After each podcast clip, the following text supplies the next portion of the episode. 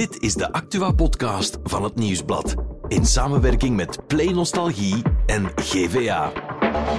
Het is woensdag 22 november en Nederland trekt naar de stembussen. Oh man, not another election. Sam Altman wordt terug CEO van OpenAI. Guess who's back? En Gella van de Cavaille is haar Olympische medailles kwijt. Maar in deze Insider hebben we het over de deal en de tijdelijke gevechtspauze tussen Israël en Hamas. Waarom nu en wat nadien? Mijn naam is Nathalie Delporte en dit is de Insider.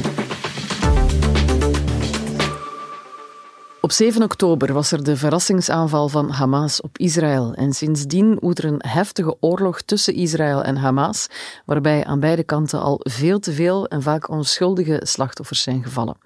Nu, gisteravond kwam dus dat nieuws over een gevechtspauze, waarbij gijzelaars aan de ene kant en gevangenen aan de andere kant vrijgelaten zouden worden. Daarover hebben we het in deze Insider met Arnoud Gijzels. Dag Arnoud. Dag Nathalie. Politiek journalist bij Nieuwsblad en onze producer Bert Heijvaart. Dag Bert. Dag Nathalie. Jij uh, gaat alle feiten voor ons nog eens op een rijtje zetten. Hoe zit dat bewuste akkoord in elkaar? Ja, er zijn nog heel veel details die niet helemaal duidelijk zijn. Wat wel duidelijk is, is dat het wel een gevechtspauze is, zoals dat je zegt. Het is geen echt vredesakkoord die daarmee de oorlog beëindigt, want Netanyahu, Benjamin Netanyahu, premier van Israël, heeft al gezegd, nee, nee, nee, the war goes on. Maar wat ze nu wel gaan doen, is vier dagen gevechtspauze houden. En in die vier dagen zal er een ruil plaatsvinden. Het is zo, we weten, er zitten gijzelaars, um, Israëlische gijzelaars in de Gazastrook. Daarvan zullen er 50 vrijgelaten worden. En in ruil zullen er 150 Palestijnse gevangenen uit Israël terug naar Palestina mogen. Welke gevangenen zijn dat? Ja, dat gaat vooral over vrouwen en tieners, blijkbaar. Um, ja, die helemaal niets met de oorlog op zich te maken hebben, maar die de voorbije jaren zijn gearresteerd, onder meer voor het gooien van stenen op de westelijke Jordaanoever. Um, dus ja, tijdens allerlei ja, schermutselingen zijn opgepakt. Uh, maar die zitten wel in Israël gewoon in de gevangenis uh, en die zouden vrijgelaten worden. Oké. Okay. Hebben ze daar vier dagen voor nodig voor zoiets? Um, ja, omdat het mondjesmaat gaat gebeuren. Uh, het zou ongeveer gaan om tien gijzelaars per dag, als we dan spreken over die mensen die in de Gazastrook uh, vastzitten. En eigenlijk is het zo dat er ook nog opties worden opengehouden om nog meer gijzelaars vrij te laten. En dat gaat dan over ja, tien per dag na die vier dagen. En dan zou er telkens nog een extra dag gevechtspauze bij komen. Oké, okay, dus het kan nog verlengd worden. Ja. Ja. Arnoud, komt dit akkoord als een verrassing? Niet helemaal, denk ik. Want er waren de afgelopen weken wel al veel gesprekken op hoog niveau. Uh, het was ook duidelijk dat deze situatie niet langer kon blijven duren. Los van de oorlog in Gaza zelf mm. is er ook een propagandaoorlog die wereldwijd woedt. En ja, oké, okay, goed, Israël probeert wel met van beelden van tunnels en uh, gekke kamertjes waar dan Hamas-strijders zouden zitten, maar dat weegt natuurlijk niet op tegen beelden van gedode kinderen en uh, kapotgeschoten ziekenhuizen. Dus ja, dat heeft ook wel meegespeeld. Ja, je voelde elke dag die druk verhogen. Hè. Mm -hmm. um, ja, die aanvallen op de ziekenhuizen, die dode kinderen, dat bleef maar binnenkomen. En um, ja, je voelde dat er iets moest gebeuren, want eigenlijk momenteel is er alleen maar dood en verderf in Gaza en is er nog geen oplossing. En wat ik me dan afvraag, tijdens die vier dagen zal alle aandacht uiteraard naar die gevechtspauze en al die vrijlatingen gaan. Maar wat gaat er ondertussen achter de schermen gebeuren aan beide kanten? Het voelt een beetje alsof ze dan dingen in de stijgers gaan zetten, zo wat ongezien. Ja, militair is dat inderdaad nog heel vloe. Hè. Dat zijn eigenlijk die details waar ik al over sprak, die zijn nog niet duidelijk. Uh, bijvoorbeeld, Hamas heeft gevraagd, wij willen vier dagen lang dan ook geen drones over Gaza. Momenteel, ja, momenteel vliegen die daar constant over om Hamas uh, in de gaten te houden. Um, niet alleen Israëlische drones trouwens, ook Amerikaanse. Um, maar Hamas zegt, ja, we willen dat dan niet. Uh, want dan zouden jullie kunnen zien waar wij onze gijzelaars vasthouden. Logisch. Logisch. Anderzijds zegt Israël, ja, maar nee, nee, nee, nee. Als wij geen drones laten overvliegen, dan kunnen jullie je herpositioneren. Mm -hmm. En dan gaan we ook eigenlijk jullie spoor gaan verliezen, wat, wat we de voorbije weken hebben opgebouwd. Dus op dat vlak is niet helemaal duidelijk wat er gaat gebeuren. Het is natuurlijk ook wel vooral om de humanitaire hulp te leveren. Hè. Gaza mm. wikkelt zich een humanitaire ramp af. Die zitten al weken zonder elektriciteit, zonder water, zonder brandstoffen. Er zijn mm. daar ziekenhuizen, zelfs los van de mensen die gewond raakten tijdens de gevechten. Ja, oké, okay, die, die hebben ook medicijnen nodig. Hè. En ja, het cynische eraan is, het zal ook wel gebruikt worden voor de nabestaanden om hun, uh, hun slachtoffers te kunnen begraven. We kunnen dat dan vier dagen in alle rust doen. Ja, dat is heel cynisch inderdaad. Ja, mm. Het staat trouwens inderdaad in de deal dat er per dag uh, van de gevechtspauze uh, 300 vrachtwagens met hulpgoederen vanuit Egypte de Gazastrook gaan binnenrijden. 50 Israëlische gijzelaars in ruil voor 150 Palestijnse gevangenen. Dat klinkt voor mij als een onevenwichtige deal. Hoeveel gijzelaars houdt Hamas op dit moment nog vast? Naar schatting eh, 240 mensen ongeveer. Ja, dat zijn dan mensen die ze ontvoerd hebben bij een moordende reet, waarmee Ja. dat alles begonnen is eigenlijk. Hè. Ja, en, en waarom zijn die gijzelaars hier zo belangrijk in dit verhaal? Waarom draait het rond hen? Ja, voor, voor Hamas zijn die van levensbelang. Dat, is een, dat, dat dat werkt op twee kanten. Je kunt aan de ene kant kan Israël niet voluit gaan. Oké, goed, dat klinkt ook wel een beetje raar misschien als je de beelden ziet. Maar eh, Israël kan niet voluit gaan weten dat daar eh, staatsburgers zitten. En aan de andere kant heeft Hamas dan ook een manier om Israël aan de onderhandelingstafel te dwingen. Want normaal gezien onderhandelt Israël niet met terroristen. Ja, wat wij niet altijd zien, eh, is dat er in Israël ook een enorme druk is op de regering om die gijzelaars te bevrijden, om die thuis te brengen. In Tel Aviv bijvoorbeeld is er een plein waar echt in heel grote lichtgevende letters staat Bring them home. En op dat plein staan 240 lege bedden. En dat is natuurlijk heel zichtbaar. En, en, en los van de internationale druk om niet te veel burgerslachtoffers te maken, is er ook die interne druk in Israël om tegen Netanyahu te zeggen van ja, kom, allee, breng vooral die mensen thuis. Ehm, en daarom ja, zijn die cruciaal in die deal natuurlijk. Ja, daarmee weet ik nog altijd niet waarom is dat cijfer zo verschillend aan beide kanten. Ja, het is ook wel gewoon door het feit dat Israël veel meer Palestijnen kan oppakken en kan vasthouden dan dat Hamas gijzelaars heeft genomen. Hè. En je merkt dat wel vaker, dat is ook iets dat eh, eigen is aan eh, diplomatieke betrekkingen. Een Amerikaan is ook altijd veel meer waard dan een eh, Irakees of een Iranier. Bij gevangenisruil hebben we dat vaak ook. Hè. Zijn die gijzelaars niet het enige wat Hamas nog in de weegschaal heeft liggen? Eh, verliezen ze geen macht bij elke gijzelaar die ze vrijlaat? Niet noodzakelijk, denk ik. Maar je moet ook wel ver- niet, on- niet vergeten dat dat ook echt een propagandakoe is voor eh, Hamas. Hè. Ik bedoel, die kunnen met Israël op eh, gelijke voet onderhandelen. Mm. Normaal gezien onderhandelt Israël niet met terroristen. En bovendien, ja, telkens als er, er zullen er altijd achterblijven in de Gazastrook. Dus ze zullen ze nooit allemaal prijsgeven. En Israëli's zullen ook wel denken van ja, maar mijn neef wordt vrijgelaten door Hamas, maar mijn tante niet. Wat is daar aan de hand? Ja, dat is iets wat, eh, wat ik gehoord heb in een podcast van BBC vanochtend ook, eh, de Global News podcast. En daar hadden ze gebeld met Daniel Levy. Dat is een toponderhandelaar eh, in het Midden-Oosten. Heeft ooit nog de grote Oslo-akkoorden ook onderhandeld. Ja. En die man zei, ja, eigenlijk wat er nu gebeurd is, die gijzelaars komen in het spel. Ehm, tot nu toe was dat erg dat die daar vast zaten, maar waren ze onbereikbaar. Nu komen ze in het spel en wordt duidelijk van ja, die kunnen vrijgelaten worden. Maar als er nu 50 worden vrijgelaten, die andere families die gaan echt wel nog meer druk uitoefenen op Netanyahu en zeggen van ja, wanneer is het aan ons? Man, je- zal er maar familie van zijn, want die, die lijst, die namen zijn natuurlijk bekend, maar niemand weet in welke volgorde en of ze vrijgelaten gaan. Nee, nee. En eigenlijk, Israël heeft ook altijd gezegd, we brengen ze naar huis. Maar de voorbije weken is dat nog niet gebeurd. Ze hebben ze nog niet gevonden. Ze hebben nog niet via militaire weg kunnen doen. Dus ja, is het wel stil aan tijd om het via deze weg te doen. Nu, ondertussen spreken we al van een humanitaire ramp in Gaza. Eh, Arnoud, hoe is de situatie daar nu? Ja, het is echt verschrikkelijk. Hè. Ik bedoel, er zijn al 14.000 doden gevallen, waarvan een groot deel vrouwen en kinderen, minderjarigen. En ja, er zijn berichten van in eh, het noorden van de Gazastrook zijn meer dan 50% van alle gebouwen vernietigd. Dus je ziet daar niet veel meer over, vrees ik. Die hebben echt wel hulp nodig. We kennen ook nog niet helemaal, denk ik, de schaal van hoe groot die ramp daar is. Ehm, af en toe worden daar journalisten toegelaten, maar dat is dan meestal door Israël in geblindeerde wagens om die naar één specifieke plaats te brengen. Dus ehm, ja, ongetwijfeld zijn daar nog veel meer slachtoffers, is daar nog veel meer ehm, ja, materiële schade dan wij nu al gezien hebben. En zal dat pas echt duidelijk worden ja, als de rook daar optrekt, vrees ik. Bijna zeven weken is de oorlog ondertussen bezig. Tussen 1000 à 2000 doden zijn er aan Israëlische kant al gevallen. 14.000 Palestijnen zijn al slachtoffer. Er is de niet mis te verstaande boodschap van Israëlisch premier Netanyahu. Bert, je zei het daarnet al. We zijn in oorlog en zullen in oorlog blijven. Vraag ik me af, hoe lang zullen ze hiermee doorgaan en wat is het ultieme doel voor beide kanten? Eh, Israël wil Hamas uitroeien, denk ik, en aan de andere kant? Hamas wil Israël uitroeien. Ja. Dat klopt. Dat Ja. maakt het ook zo, zo onoplosbaar. Hè. Ah, die ja. zitten, eh, hetgeen dat die willen, is echt diametraal tegenovergesteld.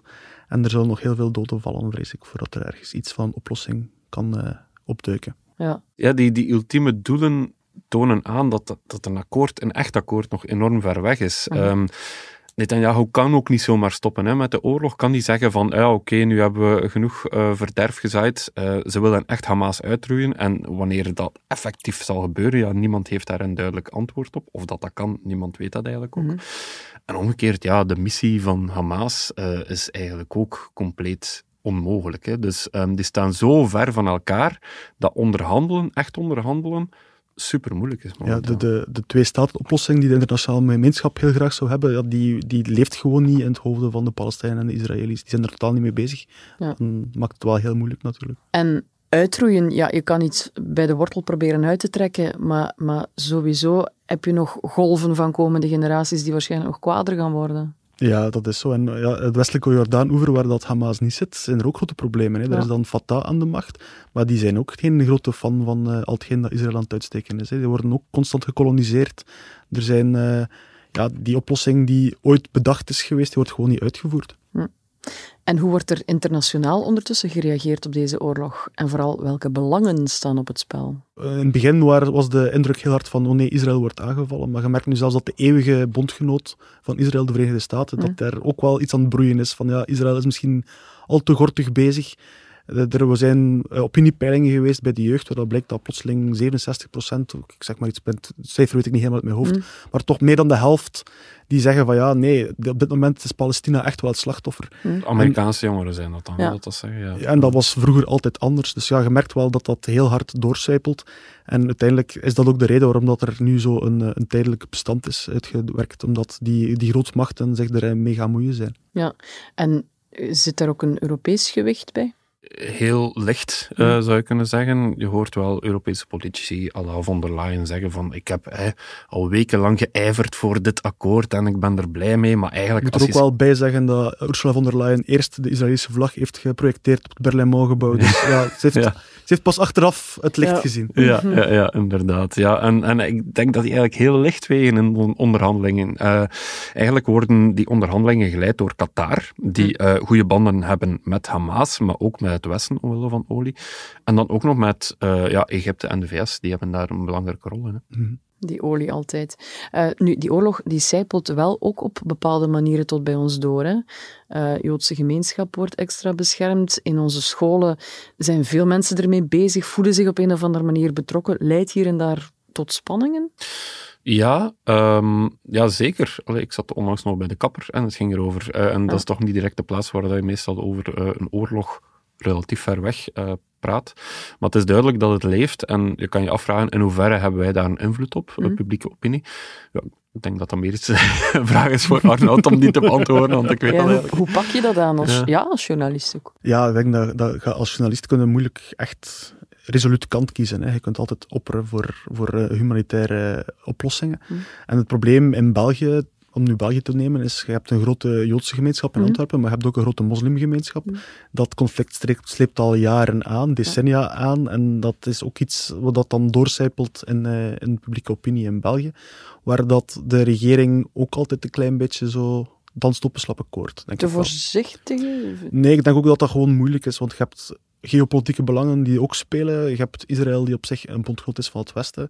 Je hebt dan de islamistische milities, die dan vaak anti-Westers zijn. Anderzijds heb je dan de humanitaire eh lagen erop. Ja, je kunt het niet... Je kunt niet logenen dat het vooral eh, Palestijnen zijn die slachtoffer zijn van deze oorlog. Dus ja, hoe ga je daarmee om? Dat is geen Ja. gemakkelijke, denk ik, voor de diplomatie. Ja, en, en je zou je kunnen afvragen van ja, als Qatar en Egypte en de VS eigenlijk aan de knoppen zitten, waarom zouden wij dan, allee, waarom zou protest van hieruit dan nog iets opbrengen? Er zijn veel mensen die dingen op Facebook zetten of die, dingen, eh, of die gaan protesteren in de straten. Maar ik denk wel, die publieke opinie heeft toch wel nog enigszins ja, ehm, zijn nut. Eh, je voelt dat die druk op Netanyahu internationaal enorm eh, groot aan vandaar ook die propagandaoorlog, waar we het in het begin over hadden. Hè. Ja. Ze doen echt hun uiterste best om hun eigen standpunten naar voren te schuiven. Ja, en dan de ultieme vraag. Hè. Hoe zien jullie dit evolueren? Zal die ja, pauze ten eerste langer dan vier dagen duren? En wat daarna? Over naar Arnoud. Ik denk dat deze pauze zeker vier dagen zal duren. Ehm, ik moet er wel bij zeggen, ze is nog niet ingegaan, dus op het eerste ogenblik is Israël nog militaire operaties aan het Op uitvoeren. het moment dat we deze podcast opnemen, woensdagmiddag toch niet, inderdaad. Inderdaad. Dus ja, ze zal wel van gang gaan, maar ik denk ook niet dat Hamas er echt heel veel belang bij heeft om zo die, die tien eh, extra eh gijzelaars vrij te laten om het nog een paar dagen langer te laten duren. Uiteindelijk hebben ze er ook niet zo heel veel bij te winnen, denk ik. Ja, dus vier dagen en dan? En dan zal het opnieuw beginnen, vrees ik. Want eh Netanyahu heeft al aangekondigd van ik ga door. Zijn, eh, zijn extreemrechtse coalitiepartners, die hebben laten weten dat ze eigenlijk een, een heel dwaas idee vinden, deze humanitaire pauze. Die vinden van ja, kijk, we zijn aan het winnen, waarom zouden we stoppen?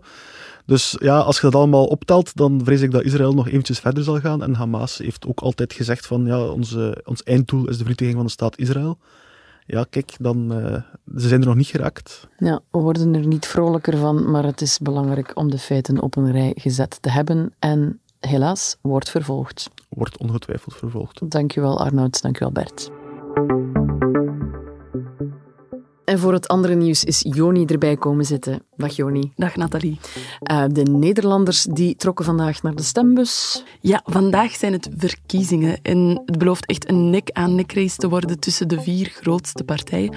Maar zeven op de tien Nederlanders die wisten eigenlijk vanmorgen nog niet op wie ze gingen stemmen. Oei. Iedereen ligt eigenlijk wakker van de zogenaamde strategische kiezer. En wat moet ik me daarbij voorstellen? Dat zijn de kiezers die zich eigenlijk heel hard focussen op wat ze niet willen, welke coalitie ze niet willen. Dus die stemmen niet per se op de partij waar ze volledig achter staan, maar een partij die een garantie biedt op de juiste coalitie, of vooral een garantie op ja, het tegenhouden van de fouten. Ja, maar bon, dat het spannend wordt, dat is sowieso een feit. Wat zijn de prognoses? Het gaat spannend worden tussen de vier grootste partijen. De VVD, dat is de partij van ontslagnemend minister Rutte. GroenLinks, PvdA van Frans Timmermans. Nieuw Sociaal Contract van Pieter Omtzigt. En de extreemrechtse partij van Geert Wilders, de PVV. Het wordt dus nog even afwachten. Het enige wat we zeker weten is dus dat Rutte niet opnieuw premier wordt. Er is ook al eh, even veel te doen geweest over OpenAI, het bedrijf van ChatGPT en zijn CEO. Ja, want de oude CEO is dus ook de nieuwe. Je moet het maar allemaal kunnen volgen, want Sam Altman staat vijf dagen na zijn ontslag opnieuw aan het roer. En wat was er dan die voorbije vijf dagen gebeurd? Hij had zijn ontslag gekregen en dat komt eigenlijk omdat er een meningsverschil was tussen de raad van bestuur en Sam Altman, dus de CEO. Sam Altman die vindt alles mag zo snel mogelijk gaan. Hij is grote voorstander van AGI of Artificial General Intelligence. Dat is de next, next level Ja, van... dat is eigenlijk ja. gewoon echt de volgende stap in AI. Ehm, hij vindt dat dat allemaal snel mag gaan, maar eigenlijk de raad van bestuur vond...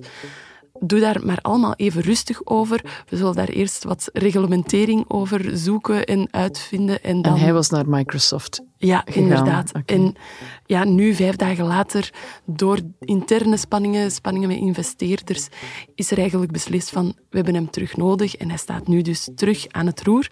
En er zullen blijkbaar ook nieuwe leden worden aangesteld voor de raad van bestuur. Zeg, Angela van de Cafeien, die is haar medailles kwijt. Ja, erg hè? Ja. Olympische medailles van de Belgische judoka zijn gestolen uit haar auto Oei. in Brussel. Ze is naast haar medailles ook haar judoka-pak en een gereedschapskist kwijt.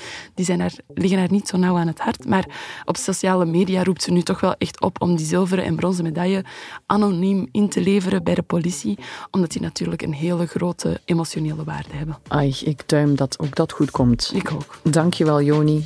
Morgen zijn we er opnieuw voor een nieuwe Insider.